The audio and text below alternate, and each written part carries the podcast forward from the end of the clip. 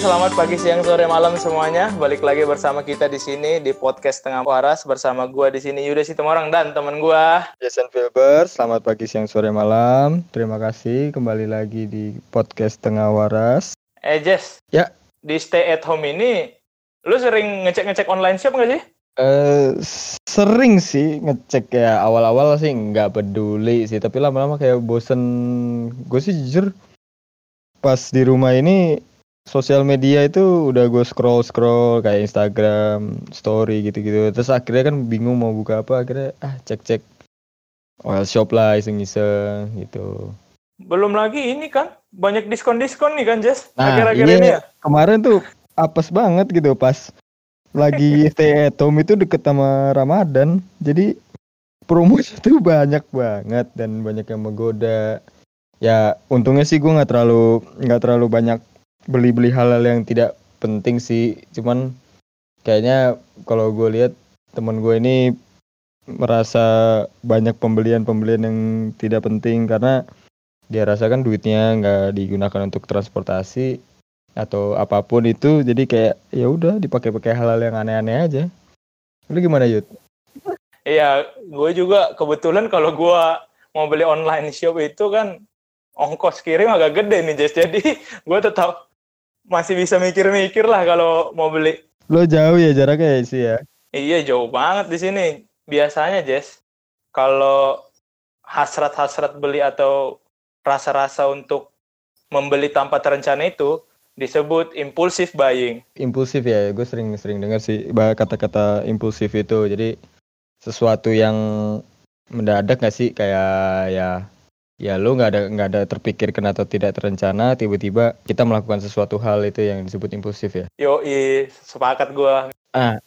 itu itu sebenarnya eh, lu agak beruntung juga sih dengan jarak yang agak jauh itu jadi sebenarnya banyak yang orang-orang impulsif buying itu barang-barang yang pertama tidak berguna yang kedua Ya. harganya sebenarnya emang dirasa tidak mahal gitu jadi kalau mungkin kalau kondisi di lu ini kan akan mahal di ongkos kirim jadi ya? Kalau cuma beli sekali beli sekali beli sekali. Nah ini kita yang di kota ini banyak kan impulsif buying korban-korban impulsif buying ini karena barang murah satu. Yang kedua ya ongkir eh, kadang-kadang di ma- masuk dapat potongan diskon kan kalau di bawah sekian ongkirnya gitu dapat potongan. Nah cuman yang menjadi masalah adalah kuantitatifnya itu loh yang banyak berkali-kali. Jadi eh, bisa tiap hari itu ada paket aja yang datang gitu. Apalagi rumah. Belum tentu berguna kan Jess ya? Biasanya ya. iya iya. Cuma jadi menu-menuin dong cuma memenuhi memenuhi keinginan aja. Sebenarnya wajar sih di di di tengah teh Tom ini kan lagi bosen ya. Semua pasti semua pasti bosen lah dengan kegiatannya di rumah. Nah itu yang mengakibatkan kita tuh butuh suatu refreshing gak sih? Kalau gue sih menurutnya gitu ya. Gue menurut gue ngelihatnya kayaknya ya gue pun juga butuh refreshing. Cuman ya bagaimana kita mengolahnya kan mau melampiaskan seperti apa.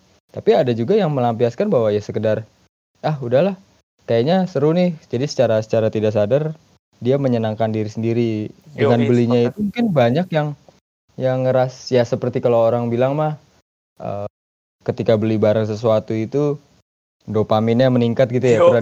benar benar benar sepakat sepakat. iya, Pak. itu. Nah, jadi kayak menurut gua, nah ketika beli itu kan ada kesenangan. Nah, itu berarti kan ada hormon dopamin yang dilepaskan. Nah, kenapa orang itu akan terus-terusan impulsif buying itu? Awal sih impulsif ya.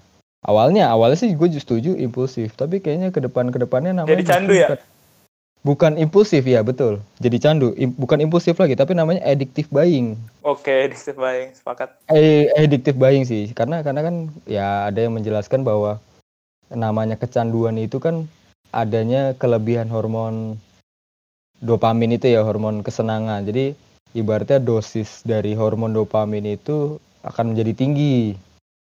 Nah, badan kita akan menjadi demanding terhadap hormon itu, sehingga ya itulah yang memunculkan namanya eh, ada eh, kecanduan itu. Kalau- itu. Kalau gua menurut gua nih Jess ya, pengalaman gua nih apalagi gua jauh. Se- sekarang kita itu sulit untuk um, membatasi informasi yang datang kepada kita. Misalnya kita itu nginstalin banyak aplikasi nih online shop, mereka tuh sering banget kan ngirim-ngirim notifikasi ya kan. Awalnya sih kita Iya iya iya betul betul. nggak nggak niat nggak niat belanja atau menyibukkan diri dan kegiatan apa pun. Tetapi di saat pandemi begini ketika dia muncul notifikasi teng deng misalnya gitu kan. Kita lihat ada diskon ini diskon itu. Jadi ada rasa takut juga nih. Wah ini kebetulan harganya segini Kebetulan nih. diskon nih. iya kebetulan Semua akan di akan dirasa kebetulan nih gitu kan. iya daripada gua besok besok beli mahal belum lagi kalau ini apa namanya kalau ongkos kirimnya gratis gitu itu yang menimbulkan hasrat Ah, impulsif iya, iya, tadi Iya iya mungkin ada ada pemikiran yang orang kayak ah mungkin gua akan beli nih eh akan kepake di suatu saat nanti nih. Yo, Mumpung sekarang bener. lagi diskon. Kayaknya sih banyak kan kayak gitu ya mikirnya ya. Nah, itu itu yang yang menjadi ya bahaya atau tidak bahaya sebenarnya tergantung dari kemampuan ya. Iya benar. Cuman kalau gue sih kalau gue sih merasa sayang aja kalau hal-hal atau duit itu dipakai yang yang tidak jelas gitu belum tentu dipakai atau enggaknya. Gue gue sih menurut gue gue beli yang kalau emang udah pasti dipakai aja kalau belum kepake mantar aja lah gitu. Misal pun gue tahu nanti kepake ah udahlah ntar aja ntar aja juga mepet-mepet walaupun sekarang ini murah kayaknya nanti juga ada diskon lagi. Kan biasa lah ya OL Shop itu kita tahu marketing lah ya diskon diskon itu sering muncul apalagi kesel tuh kalau kita lagi sosmed itu Instagram contoh kita lagi scroll scroll muncul di timeline itu kan Iklan-iklannya. nyebelin ya. iya nyebelin gitu Sama menurut gua, Jess, selain iklan-iklan yang berpengaruh, kadang ketika kita berusaha untuk compare diri kita ke orang lain, impulsif buying itu muncul. Misalnya, menurut gua ya, gua semakin sering ngelihat story orang loh, dia kok makan makan ini enak banget, gue jadi pengen beli makanan itu. Gua baru dia kok eh, baju baru bagus segala macam gue cari jadi cari-cari promo diskon baju itu itu juga mempengaruhi loh insecurity kita melihat orang lain Eh gimana ya? Gue gue gak gue nggak bermaksud yang bagaimana atau so bagaimana, cuman ya itu emang bahaya juga sih kita melihat sosial media oh, itu seperti dua mata pisau ya. Ada baik ada buruknya gitu. Tapi kebanyakan kalau kita tidak bisa mengontrol emosi kita itu emosi emosi itu maksudnya tidak cuma marah ya, tapi ha- eh, apa pun itu. Jadi kalau kita tidak bisa mengontrol tuh jatuhnya eh seperti sirik. Ya kalau positifnya Benar, kompetitif benar. lah ya. kompetitif bahasa benar.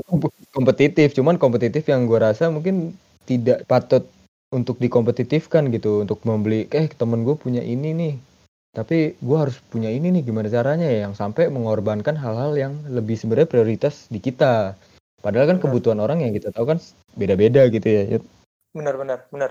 Jadi banyak banget sebenarnya just menurut gua faktor-faktor yang eh, membuat kita jadi impulsif. Tapi nggak masalah semua orang gua sendiri pun lu sendiri pun gua yakin sering muncul keinginan untuk berbelanja sesuatu tapi gimana cara mengontrolnya kan? Itu yang betul betul. Pernah pernah. Gue gue gue jujur aja gue pernah merasa kayak tiba-tiba wah mumpung nih mumpung mumpung mumpung. Nah ya sesekali pernah kecolongan lah tapi ya kecolongan gitu kayak tiba-tiba aduh beli. Itu ujung-ujungnya ya gue jujur aja sekarang ini selama tiga bulan gue psbb ada dua barang yang tidak penting lah. Yang sampai ini sampai saat ini gue belum pakai tapi ya harganya di bawah dua barang itu di bawah dua ratus ribu sih. Oh, Jadi- oke.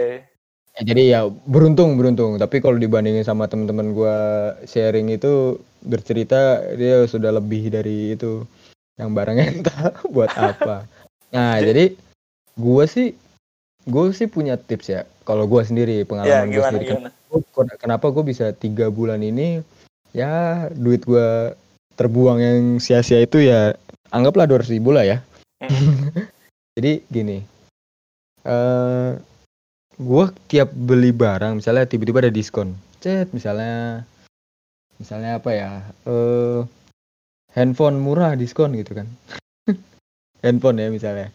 Diskon sekian persen nih. Terus wah ini menarik nih gitu. Nah pasti gue tuh tipsnya gini. Eh gue mikir barang gua ini kalau gue beli murah sih tapi eh, buat apa ya? Gue pikirin dulu fungsi dari barang gua. Dan yang nanti gue beli. Gue mikirin buat apa ya nanti ya gini. Terus gue mikir lagi gue sekarang emang nggak punya ya barang itu? Eh ternyata gue punya HP terus HP gue udah ada. Terus kalau misalnya gue beli HP lagi nanti bagaimana ya penggunaannya ya? Daripada nanti satu nganggur kan sayang kan gitu. Terus HP gue apa udah rusak ya? Kalau HP gue udah rusak mungkin akan bisa gue gantikan nanti gue jual lagi yang HP satu lagi. Tapi HP gue masih baik-baik aja. Jadi mendingan kayaknya nggak usah deh kayak gitu-gitu gue pikir-pikir yang berkali-kali gitu. Jadi lu sering ini ya nanya ke diri lu sendiri ya. jujur aja sering berdebat di dalam diri Berdialog sendiri gitu. ya? keren, Iya. keren, keren, keren. berdialog dalam hati kayak aduh ini beli nggak ya? Beli nggak ya? Beli nggak ya? Sampai ya adalah satu barang yang gue beli harganya lumayan lah lumayan itu sampai atas pemikiran kira-kira dua minggu yud. Oh, dua akhirnya minggu. Dua, dua minggu gue gue mikirin. Jadi eh udah awalnya tuh gue mikir kayaknya gue butuh nih barang deh. Keren juga ya gitu. Kayak seru nih. Lumayan bisa menghilangkan kebosanan gitu. Gue terus gue mikir apa ya? Gue beli yang mana ya? Yang mana ya? Apa yang mana? Maksudnya banyak banyak bendanya gitu kan dan, dan relatif harganya gitu gue yang gue butuhin apa ya? Jadi gue mikir lagi gue butuh tuh yang mana sih sebenarnya? Gue mikir mikir mikir. Jangan sampai gue beli harga yang kemahalan gitu kan ya atau jangan sampai gue beli yang kemurahan. Murah dalam arti kata ya tidak murah tidak angka yang murah ya. Tapi kalau dibandingkan untuk barang itu ya murah lah. Tapi jangan sampai kita beli mu- murah tapi ternyata tidak memenuhi kebutuhan kita. Ujung-ujungnya nggak dipakai aduh sama aja kebuang gitu kan. benar, benar, benar, benar, ya kayak gitu. Kita kita harus mikirin juga value-nya nanti akan seperti apa sih. Terus mikir lagi ini beneran gue butuh nggak sih? Apa jangan-jangan cuma impulsif? Nah kayak gitu. Memang berarti kita kita harus ngasih jeda ya, Jess ya, jeda waktu kita. jeda jeda. Harus harus harus, harus. Menurut gua harus kasih jeda sih. Ya gua akuin sih godaan terbesar. Barang-barang murah. Murah dalam arti kata Oh, iya. beneran murah ya, ya. Misalnya dianggap anggaplah kita contoh HP kalau dijualnya harganya 50.000 ribu bingung kan gitu Heeh. pasti orang akan buru gitu yang kayak gitu-gitu yang hal-hal itu yang tadi gue bilang dua barang yang tidak jelas itu ya kayak gitu yang gue beli Ba- banyak apa namanya? eh, banyak sekarang Jess yang impulsif barang-barang mahal itu masih bisa kekontrol karena memang budgetnya gede ya. Justru barang-barang Ya, ya, jadi barang-barang kecil kayak lu tadi yang lu bilang kuantitas tadi yang justru iya sangat, betul, sangat berbahaya. Iya, jadi eh kalau masalah harga tuh jadi kita bisa mikirin. Jadi eh bisa mikir dulu, aduh duit gue sayang banget keluar sekian nih. Tapi kalau yang berat itu emang yang barang-barang murah gitu. Coba mungkin bisa dibiasakan, gue butuh nggak sih kayak gini? Ntar jadinya sampah doang, menemuin kamar doang kayak gitu-gitu yang eh tetap harus tidak bisa segampang itu sih, tapi mungkin bisa di pelan-pelan lah ya Yud ya. Iya benar. Kalau kalau gua sih Jess, kembali outline outline-nya itu kita mengingat kembali nih rencana kita keuangan secara finansial per bulannya itu seperti apa. Jadi Iya yang, yang kita pernah bicarain yang sebelumnya kita ya. pernah bicara bicarain kalau kita strict Nah. berusaha untuk komitmen pada diri sendiri terkait itu ya impulsif-impulsif buying ini bisa kita lebih cegah tapi Mhm. untuk yang barang-barang kecil paling kecil aja sekarang di kota itu dengan promo-promo makanan ya ini paling banyak tuh makanan loh impulsif buying yang gua gua baca makanan Iya benar-benar. dengan promo-promo Makanan. makanan. lu sendiri bisa ngontrolnya gimana lu kan di kota nih kalau gua beruntungnya nih cuma sedikit nih tempat yang bisa tempat beli makanan, di Makanan sini ya. iya makanan ya kalau kalau ngomongin makanan bener gue setuju makanan susah dikontrol karena kan manusia butuh makan ya itu Iya. udah kebutuhan Nah, tapi kalau barang itu kan agak ya tidak terlalu selera ya ibaratnya selera nggak kebutuhan orang beda-beda. Tapi kalau makanan itu kan semua orang pasti makan ya. Iya apalagi kalau udah makanan enak itu kayaknya semua orang akan makan gitu loh. Kalau gue sih beruntungnya balik lagi. Ini gue nggak buat-buat ya Yud. jadi gue beneran nih gue beneran makan tuh kayak menurut gue gue punya prinsip adalah makan untuk hidup gitu Yud. Oke. Bukan hidup untuk makan. Ya, oke oke. Jadi banyak kan emang kan yang menurut dia hidup untuk makan. Jadi kayak eh, ya mumpung gua hidup gua makan apa aja lah terserah gua kayak gini gini nah kalau gua nih agak agak agak agak repot lah kalau masalah makan tuh bukannya milih-milih tapi ya ntar lah udah secukupnya aja gitu. Makan nasi ceplok telur juga nggak masalah. Itu misalnya gini apa pun yang di depan mata gue itulah yang gue makan yud. Oke. jadi jadi ya udah dan cukup sekali nggak nggak berkali-kali. Kayak misalnya ya depan mata ya kalau gue jalan di depan restoran terus kan ya semuanya makanan ya. Nggak nggak tapi jadi semua makan nggak. Jadi gue tetap makan sekali. Misalnya tetap makan tiga kali makan gede. Pagi siang malam gitu. Udah tapi pas ketika gue misalnya contoh makan siang gue lihat ya udah itu yang gue makan yud. Masalah nantinya ada diskon kayak eh ada diskon nih. Pas setelah gue udah makan berat ah udahlah ntar aja lah gue juga kenyang gitu entah kenapa kenyang kenyang sendiri emang Iya, emang benar. bukan karena menahan ya tapi emang udah dari sononya gitu toh kalau emang pas makan siang dan gue melihat ada diskon wah itu menjadi buat gue itu akan jadi keberuntungan gue justru Yud karena gue bisa menghemat duit gitu kan Iya jatuhnya benar benar. karena kan setelah gue udah makan yang diskon itu udah kenyang nggak makan lagi selesai Benar benar. Ya memang bagaimana kita cermat dalam menggunakan diskon itu juga ya nggak salah loh kita beli di Ya, diskon itu. Kalau gua nih Jess biasanya nih, Hmm. gua a- kalau mau pergi atau gimana, gua kan suka makan nih Jess, gua gua doyan makan. iya Ah. iya Gua mengatasinya gini nih, kalau gua mau pergi dari rumah, selalu gua usahain udah makan. Iya itu itu cara gua ya. Jadi ketika lewat uh, tempat-tempat makanan ada diskon sekalipun apa segala macam, gua masih merasa kenyang. Itu yang pertama. Yang kedua, gua akan selalu bawa tumbler untuk minum. Karena sadar nggak sadar, sesederhana air mineral kita beli satu botol itu benar-benar akan mendorong kita beli-beli yang lain juga bisa. Bahkan itu pengeluaran yang tidak perlu sebenarnya kalau kita bawa. Jadi cara gua ya sejauh ini cukup efektif sih. Beruntungnya gua kembali lagi-lagi di sini tidak terlalu banyak delivery diskon-diskon yang seperti ada di tempat kalian mungkin. Oh bapak KFC aja tidak ada kan Jangan sebut brand, di sini ada KFC. Oh iya iya iya iya. iya. Eh, maksudnya ada KFC, AW nggak ada, Wendy's nggak ada juga. Jadi Oh, kita iya, sebut semuanya. Iya, iya, iya, iya.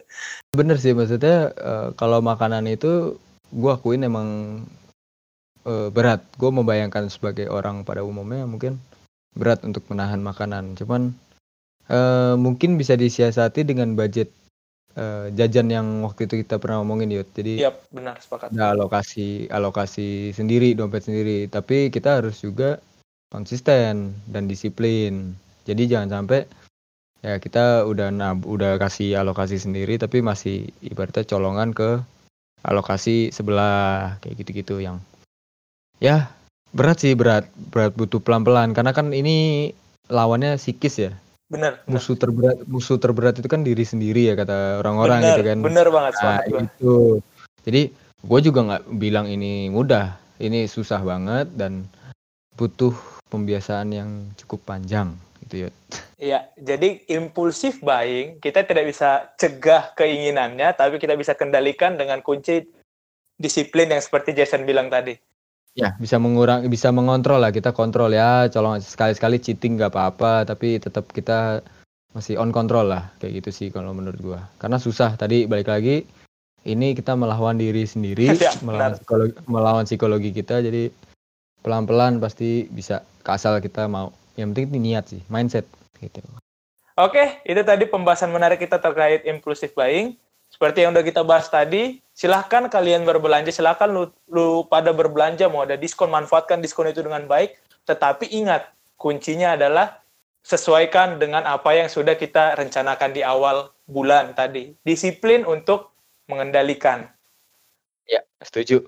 Setuju Eh, ya? Sampai jumpa. Eh, Bye-bye. Dadah, selamat siang, sore, malam. Ya, siang sore malam.